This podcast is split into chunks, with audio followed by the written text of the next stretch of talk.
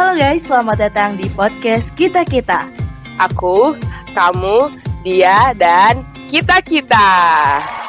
Halo semuanya, kembali lagi bersama gue Konita Afla dan tentunya bersama Ime. Tapi kali ini kita nggak cuma berdua, kita bersama kakak tingkat kita yang keren banget, yang luar biasa banget. Siapa itu kalau bukan Kak Fafa. Kak Fafa. Halo. Halo Kak Fafa. Halo. Kak Fafa ini uh, bisa memperkenalkan diri singkat dulu nggak Kak? Biar teman-teman pendengar podcast kita kita juga tahu nih Kak.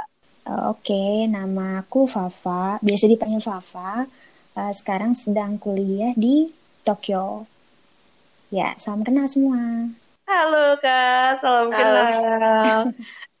Wah luar biasa banget kan lagi kuliah di Tokyo saat ini. Nah Kak, ada pertanyaan nih Kak. Kenapa sih Kakak milih di Tokyo, Jepang Kak? Uh, karena sejak kecil uh, aku udah apa ya punya rutinitas nonton anime yang sering disiarkan di ini loh apa TV lokal kayak misalnya Detektif Conan, Doraemon dan sebagainya. Terus jadinya mulai uh, tertarik dengan apa popular culture-nya Jepang sendiri gitu. Kemudian Hmm, orang tua aku inisiatif memasukkan aku, uh, aku ke les bahasa Jepang. Jadi dari mulai situ mulai ketertarikannya jadi sesuatu yang serius gitu. hmm, hmm, hmm. Jadi dari masa kecil udah tertata gitu ya. udah Hmm, iya, juruskan, mantap banget. ya kurang lebih lah begitu. oke. Berarti sekarang Kak Fafa kuliah di apa Tokyo ya, di Jepang Mhm. gitu kan ya. Iya. Nah, Itu bagaimana sih Kak perjalanan Kak Fafa bisa dapat kesempatan berkuliah di Jepang gitu? Sebenarnya cukup panjang gitu. Aku juga bingung mau. Eh, nggak apa-apa. Ceritain aja Kak. Iya, aku akan berusaha sesingkat mungkin mungkin. Oke. Oke. Jadi awal mulanya itu aku te- udah keterima di perguruan tinggi di Jawa Barat gitu. Suatu perguruan tinggi Jawa Hmm. Barat. Ah, aku milih perguruan tinggi itu karena aku tahu mereka itu eh, menawarkan banyak program student exchange ke Jepang. Dan itu Hmm, termasuk yang paling banyak variasinya gitu. Dibanding perguruan tinggi lain makanya aku milih perguruan tinggi itu. Dan alhamdulillah aku bisa masuk perguruan tinggi itu.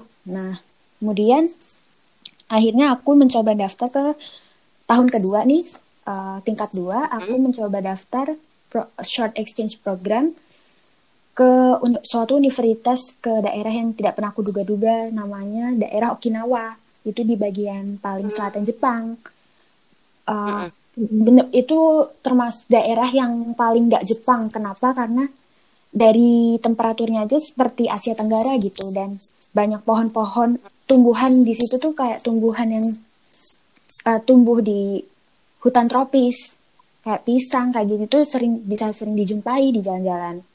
Makanya nggak pernah aku duga-duga aku bakal end up di sana gitu. Alhamdulillah aku karena nggak banyak juga yang kayaknya tertarik short exchange itu exchange-nya hanya kayak apa ya mempelajari bahasa dan culture lah. Makanya nggak banyak. Sementara perguru mahasiswa dari perguruan tinggi yang aku berada itu kebanyakan anak sains kan. Jadi kayak nggak banyak persaingannya kecil lah bahkan nggak ada mungkin. Oke. nol. Jadi alhamdulillah aku dengan mudahnya masuk dan di biayanya pun disponsori oleh apa namanya eh, nama organisasinya JASO. Itu cukup terkenal. Mereka eh, banyak memberikan beasiswa ke mahasiswa internasional gitu. Itu yang pertama. Jadi di Okinawa. Oke. saya perta- kesempatan pertama itu di Okinawa. Kemudian itu Mm-mm. itu selama satu tahun aja sih. Oke. Terus yang kedua itu yang sekarang itu sih mendaftar sendiri ya. Sebenarnya sih eh, biasalah kayak kalau mau daftar uni kan pasti kita nge-search dulu di Google apa ya urus jurusan yang kita mau lah atau mungkin universitas Iya. yang kira-kira kita targetkan. Aku mulai dari situ semuanya. Google aja gitu. Unif- kalau aku mulainya dari Google universitas yang mempunyai jurusan yang aku inginkan gitu. Akhirnya ketemu nih salah satu universitas akhirnya aku lihat uh, terms dan and requirements-nya. Dan sesuai sesuai aja akhirnya aku coba daftar. Kemudian submit berkas. Nah setelah submit berkas ini Uh-uh. sebenarnya proses yang cukup melelahkan mental dan tenaga karena kamu aku harus di, diharuskan menunggu berbulan-bulan gitu. Tanpa kabar yang Hmm, jelas. Heeh, jadi kayak kalau nggak keterima ya bingung juga. Padahal udah mengerahkan biaya lah waktu dan segala macam tapi kodarullah setelah berbulan-bulan menunggu membuahkan hasil juga sampai akhirnya aku berangkat eh, bulan eh, tanggal 1 tepat 1 April men- 2019 kalau nggak kalau tidak salah Hmm. Nyangka nggak kak kalau misalnya bakal masuk ke Jepang, bakal dapat kuliah di Jepang itu nyangka banget atau sebelumnya tuh belum ada bayangan bakal masuk ke Jepang kak? sebenarnya kayak antara 50-50 gitu. Soalnya sebenarnya aku dari lulus SMA itu udah mencoba mengejar beasiswa itu, tapi aku gagal kurang lebih tiga kali itu beasiswa yang Oh. ditawarkan kedutaan besar Jepang yang di Indonesia. Hmm, hmm, Itu itu peluang lolosnya sangat kecil emang dan itu pakai kalau nggak salah pakai nilai UN. UN aku nilainya ya nggak buruk, nggak baik bagus-bagus amat ya standar lah. Makanya Heeh, heeh. ya makanya nggak lolos sampai tiga hampir tiga kali kalau nggak salah. Akhirnya ya aku coba-coba cari cara yang harus agak mendaki naik turun tapi ya alhamdulillah atas izin Allah aku bisa juga Ya kali gitu. ya Wow. gitu lah sebenarnya nggak hebat-hebat banget. Aku yakin semua orang bisa. Cuma ya kalau caraku emang agak-agak kadang agak maksa tapi ya gitu deh. Susah untuk dijelaskan dengan kata-kata Wah, Oh, iya, keren betul. banget. Usahanya itu loh, udah usahanya tinggi. Iya. Tawakalnya juga Betul, tinggi. betul. Wah, udah pas banget deh itu. ya Allah Keren-keren. Pengen loh, Kak. Kayaknya kayak kakak amin gitu. amin Amin, semoga ya. Buat Amin. teman-teman dan juga pendengar yang mau kuliah di luar negeri, terutama Jepang, semoga segera terkabulkan. Amin. Amin. Doa bersama kita ya. Iya, iya dong. Gimana kak? First Gua. impression kakak tuh pas masuk kuliah pertama kali tuh, kayak kaget, senang, bahagia, sedih atau gimana kak? First impression ketika kuliah atau pas pertama kali ke Jepangnya sendiri nih? Pertama kali, Kak. Pertama kali dulu abis itu kuliah. Nah, Karena beda emang uh, pas pertama kali itu aku pure untuk liburan saja. Oh, Alhamdulillah ada uang lebih jadi keluargaku kan cuma tiga orang bisa ke Jepang untuk pertama kalinya. Dan itu apa ya? Ya uh, biasalah uh, bersih lah dan langkah orang-orang cepat gitu. Apalagi ya Jepang. Oh iya, sistem keretanya membuat aku apa ya sangat ter bukan terpesona apa ya kayak takjub gitu kayak aku lihat lihat Yeah. rute aku kan lihat pakai jadi ada brosur isinya rute keretanya itulah terus aku lihat ini kayak sarang rayap gitu tapi kok orang-orang bisa dengan sigatnya gitu cari jalur sementara kita bertiga kayak orang bingung gitu tapi ternyata lama kelamaan ya terbiasa juga dan kayak aku sekarang kan udah tinggal di sini sudah ya seperti orang-orang Jepang sendiri yang dengan langkahnya yang cepat. Kemudian kalau yang first impression ketika kuliah nggak banyak sih sebenarnya. Mungkin kalau senseinya ya senseinya senseinya lucu-lucu gitu. Ya ada yang enak, ada yang enggak. Ya sama sih seperti di ketika kuliah di Indonesia juga. Cuma kelasnya kalau di sini hmm, kalau di sini masa ngomongin meja? Beda sih kalau pas kuliah aku di dulu di sana itu kan mejanya kayak bareng gitu loh. Apa ya nyebutnya? Kayak Oh, iya, ada ke atas kayak eh, tangga gitu loh. Jadi satu deret. Iya, benar. Walaupun ada sih yang eh, kursinya satu-satu tapi ada juga yang lebih banyak yang berderet kalau di sini ya satu-satu gitu sih kebanyakan Hmm. dan Hmm, hmm. Eh, oh iya, sebenarnya walaupun apa ya bahasa Inggris kan termasuk bahasa yang udah mengglobal ya, mengglobal. Tapi untuk administrasi sekolah kadang memang banyak yang belum lancar bahasa Inggris gitu dan walaupun mereka menyediakan fasilitas ini itu dalam bahasa Inggris, tapi kenyataannya untuk ng- ngurus, misalnya kita mau ke TU ngurus minta transkrip aja itu m- mungkin harus pakai bahasa Jepang gitu. Misalnya termsnya kalau minta transkrip gitu dalam bahasa Inggris kadang masih bingung harus nyari terms bahasa Jepangnya. Kalau transkrip kan dalam bahasa Jepang itu sei sekihyo gitu. Jadi ya kalau mau ngomong sama Oh. staffnya itu masih harus membutuhkan bahasa Jepang gitu. Hmm. Meskipun mis- mereka tuh di websitenya kan Inggris semua gitu ya. Ada dua versi kan. Iya, Tapi betul, betul. kenyataannya berbicara komunikasi masih full Japanese Hmm. gitu aja. Tapi Kak Fafa mah bisa kan bahasa Jepang mah ya kan, Kak? Hmm, kanjinya masih Iya gitu. Oh, pas datang pertama kali kuliah, kan kakak, ah, maaf ya kak, kan kak Fafa kan pakai kerudung ya, kayak keli- kelihatan Mm-mm, banget gak sih perbedaannya gitu, terus kayak jadi Perasaannya gimana gitu, gitu? ya. Iya Iya, sih itu betul. termasuk salah satu yang struggle-nya, salah satu struggle ter major struggle aku sama di sini juga. Kayak Hmm, pas awal-awal kuliah itu terlihat beda banget pasti kan dari luar vis outer uh, appearances-nya aja udah beda. Terus uh, kadang kalau mau sholat tuh ya waktu itu kan sering banget gitu harus ditekanin masalah mengenai masalah makanan waktu sholat ya gitu-gitu kan ya Iya, emang orang namanya nggak tahu kan ya. Heeh. jadi ya harus ditekan Iya. berkali-kali gitu. Kadang mereka juga lupa kan misalnya namanya itu kayak nomikai. Nomikai itu kayak pesta minum kurang lebih kalau secara literal diterjemahkan. Tapi sebenarnya bukan minum-minum kayak mabuk bukan bukan sih. Kayak misalnya kamu eh habis masuk baru hari pertama masuk kuliah nih terus kayak merayakan gitu. Kamu mak- kuliah makan-makan gitulah sebenarnya. Itu namanya nomikai Oh iya buat iya. makan-makan tapi sekalian kenalan juga gitu loh. Biasanya nomikai itu kayak gitu. Nah se- kalau sering diajak nomikai itu kadang aku harus mau nggak mau ya menolak karena kadang mereka nyarinya tempat makan yang ya begitu yang campur-campur. Oh iya benar sih benar. misalnya.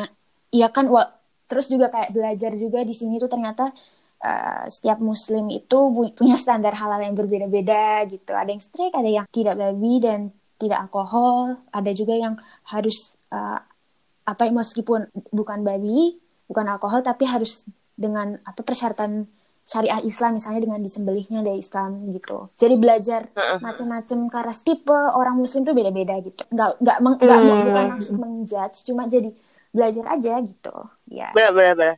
jadi lebih mengetahui identitas diri gitu kali ya Iya, bener Iya. banget. Terus juga tahu budaya dari luar, apalagi kan dunia internasional, Mm-mm. dunia bukan dalam negara sendiri. Jadi harus emang bener-bener Iya. adaptasi gitu ya, Kak. Hmm, betul betul Kakak sudah mengalami yang tadi Iya. tuh ya, perbedaan budaya lah ya Mm. pokoknya. Nah, itu gimana sih Kakak gitu survive menghadapi itu semua gitu? nah habi- iya. Khususnya kayak menghadapi setiap permasalahan ketika hidup di Jepang sih, lebih tepatnya kayak eh, survive Kakak Hmm, gimana? survive-nya sih sebenarnya ya tergantung level beratnya permasalahan itu. Kad- Kalau aku sih personally cenderung males gitu melibatkan orang lain. Jadi kadang ngurusin semua tuh sendiri. Tapi ujung-ujungnya juga kadang ada yang nggak selesai, jadi butuh pertolongan orang lain. Dan ya begitu. Hmm. Kalau misalnya kan tadi kan dibilang ya, kadang bisa sendiri dan terus malah lebih ke sendiri dan kalau misalnya nggak bisa ya ke orang lain. Nah itu gimana Kak? Minta orang lainnya tuh teman dari Jepang atau emang teman-teman terdekat keluarga atau gimana Kak? Kalau boleh tahu. Oh iya tuh Mbak. Apa Iya. ya? tergantung permasalahannya sih tapi kalau akhir-akhir ini lebih ke temen dekat yang di sini dan di sini jujur aja untuk temen aku di sini lebih banyak anak internasional temen yang dekat ya jujur Mhm. saja anak untuk bisa deket deket bener-bener kayak sohib gitu sama anak orang Jepang itu su- Mm-mm. cukup sulit karena mereka termasuk gimana ya agak tertutup juga agak kadang juga sebenarnya ya kita bisa ngomongnya juga udah mix gitu kan bahasa Jepang bahasa Inggris gitu Mm. tapi kadang kerasa gitu dinding di antara anak Mm. siswa internasional sama Jepang walaupun in some Mm. cases ada sih yang anak internasional yang udah mencampur apa udah melebur-lebur aja gitu kayak udah apa supel supel aja gitu sama siapa pun tapi in general tuh kita masih suka merasa ada dinding di antara kita walaupun aku ada sih an- anak Hmm. Jepang yang cukup dekat tapi dalam hitungan jari aja gitu Hmm. Mungkin karena juga kecocokan gitu ya Kak, kepribadian orang kan beda-beda, jadi kita ya cocok-cocokan Mm-mm. juga. Di sana tapi ada teman eh, dari Ada, Indonesia ada, nggak? Nggak ada ya? jadi Apa? dia satu ini kok satu Ada ya? jurusan satu satu jurusan lah ya satu jurusan satu jurusan oke. dia sama kok ada satu orang doang yang se apa sih bahasanya kayak misalnya kita masuknya bareng-bareng 2019 gitu seangkatan iya Iya, seangkatan, seangkatan ya ya? sejurusan gitu ada Hmm. satu orang Ah iya Oh, dia cewek dia juga orang Bekasi katanya tapi aku nggak iya Oh. kenal oh Bekasi mana aku lupa jujur Bekasi mana kayak kayaknya bukan Bekasi yang bukan Bekasi yang daerah yang aku tahu gitu makanya aku agak oh, Oh, kok oke. bisa ya dunia ini kecil gitu iya ya. Bener Kok juga. ya? Sih. Di antara wilayah Indonesia yang ada di sana Nah, iya, Bekasi. Terus ada juga sih biasanya aku aku sempat deket sama anak dari jadi ada program di sini namanya ISEP itu semacam short exchange juga oh, biasanya satu enam bulan atau satu tahun. Nah ada tuh dulu aku ada anak Hmm. Indonesia dan dia anak UGM. Aku sempat dekat sama dia.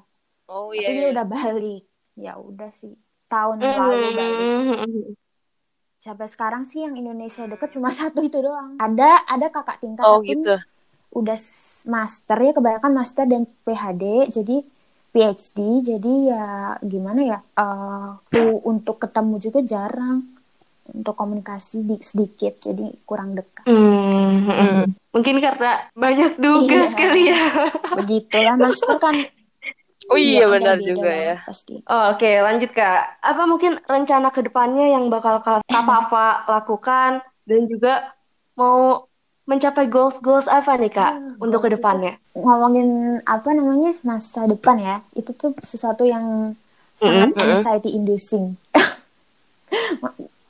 Kayak bikin Oh, khawatir iya. gitu. Tapi ya mau nggak mau kita harus memikirkan kan. Hmm, apa ya Iya kalau betul. goals sih bukan goals juga. Mungkin hanya secara kasat mata lah kayak masih terpikirkan tapi belum tahu belum pasti ingin mencapai apa enggak gitu ada tentunya. Salah satunya sih itu lulus. Jadi ada GLPT GLPT itu tes semacam TOEFL tapi TOEFL bahasa Jepang gitu. Nah aku pengen Oh. banget bisa lulus level N1 yang paling tinggi. Nah sebelum aku lulus dari sini karena ya kan namanya juga udah kuliah di sini masa nggak punya sertifikat itu kan nah aku alasan aku undur-undur Hmm, itu iya sih, karena ya bener. biayanya juga cukup tinggi dan namanya sertifikat bahasa kan pasti ada tanggal expired ya at least two years Hmm, dua hmm, tahun lah. Makanya aku entar-entar dulu gitu. Aku pengen banget bisa lulus N1 itu yang paling utama. Terus setelah lulus sebenarnya aku masih bingung. Kayaknya aku sih lebih menginginkan untuk kerja ya. Karena sebenarnya aku juga udah bukan mahasiswa muda lagi kan kayak aku udah aku masuk S1 itu kan dulu aku udah S1 tapi di tengah perjalanan berhenti untuk ke sini kan. Makanya umur aku kan lebih tua dari anak-anak angkatanku sebenarnya. Makanya aku mungkin pengen pengen kerja Hmm, aja gitu. Walaupun sedikit terbesit keinginan untuk melanjutkan ke S2 tapi di negara lain sebenarnya pengennya.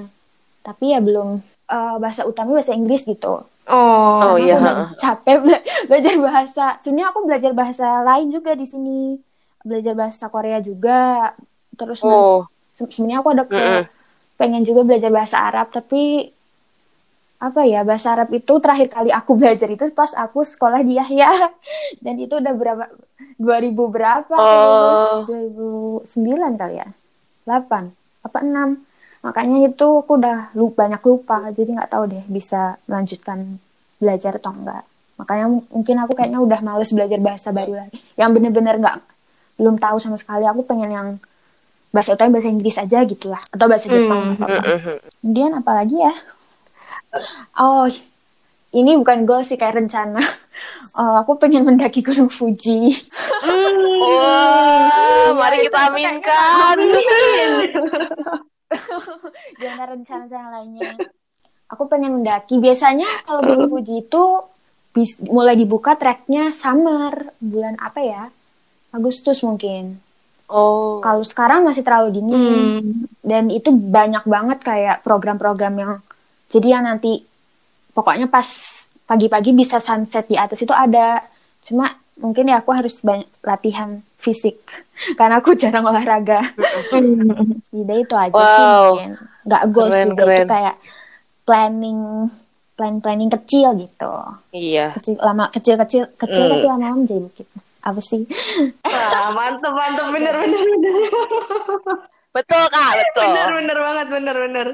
Semoga semua impian-impian, goalsnya lalu tercapai. Amin. Amin. Amin, amin, amin. Dan pasti kalau misalnya kita ada tujuan tuh pasti ada ada jalan buat kita mencapai tujuan itu karena kan ada pepatah gini bila hari berlalu tanpa tujuan akibatnya akan berakhir dalam kehancuran Oh. jadi kita Wah. kita harus punya tujuan ya bagi Kak Fafa ya udah sedikit demi sedikit udah mencapai goalsnya dan itu keren banget sih apalagi usahanya tadi kan udah diceritain ya dari kegagalannya terus bangkit lagi wah keren banget sih keren betul betul betul. Lanjut, Sangat menginspirasi banget. Iya Oke. benar Aduh, aku jadi malu kan. aku aku Enggak, Kak, mikirnya beneran ini. Kayak ini loh kayak yang di komik-komik ada blushingnya. Gak kelihatan tapi sebenarnya gitu. Aduh. gitu. Gak apa kak, gak apa-apa.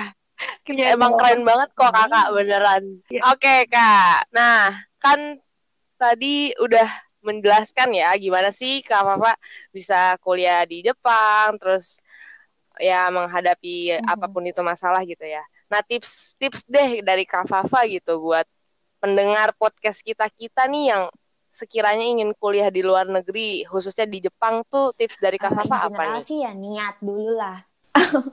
Eh, karena tapi Oke, versi oke. aku bakal frontal aja ya. Versi realistisnya sebenarnya nggak yang apa-apa. penting uang dan patience, kesabaran. Karena Mm-mm. eh, banyak yang dikerahkan seperti waktu, Hmm. umur, tenaga dan sebagainya itu ya nggak mudah gitu. Dan nggak aku nggak bermaksud membuat yang pengen kuliah di luar negeri berkecil, berkecil hati. Tapi memang kalau untuk ambisi kuliah di luar negeri sejak daftar itu harus planning gitu karena biaya yang dikerahkan untuk mendaftar mendaftar aja itu cukup tinggi bagi aku pribadi.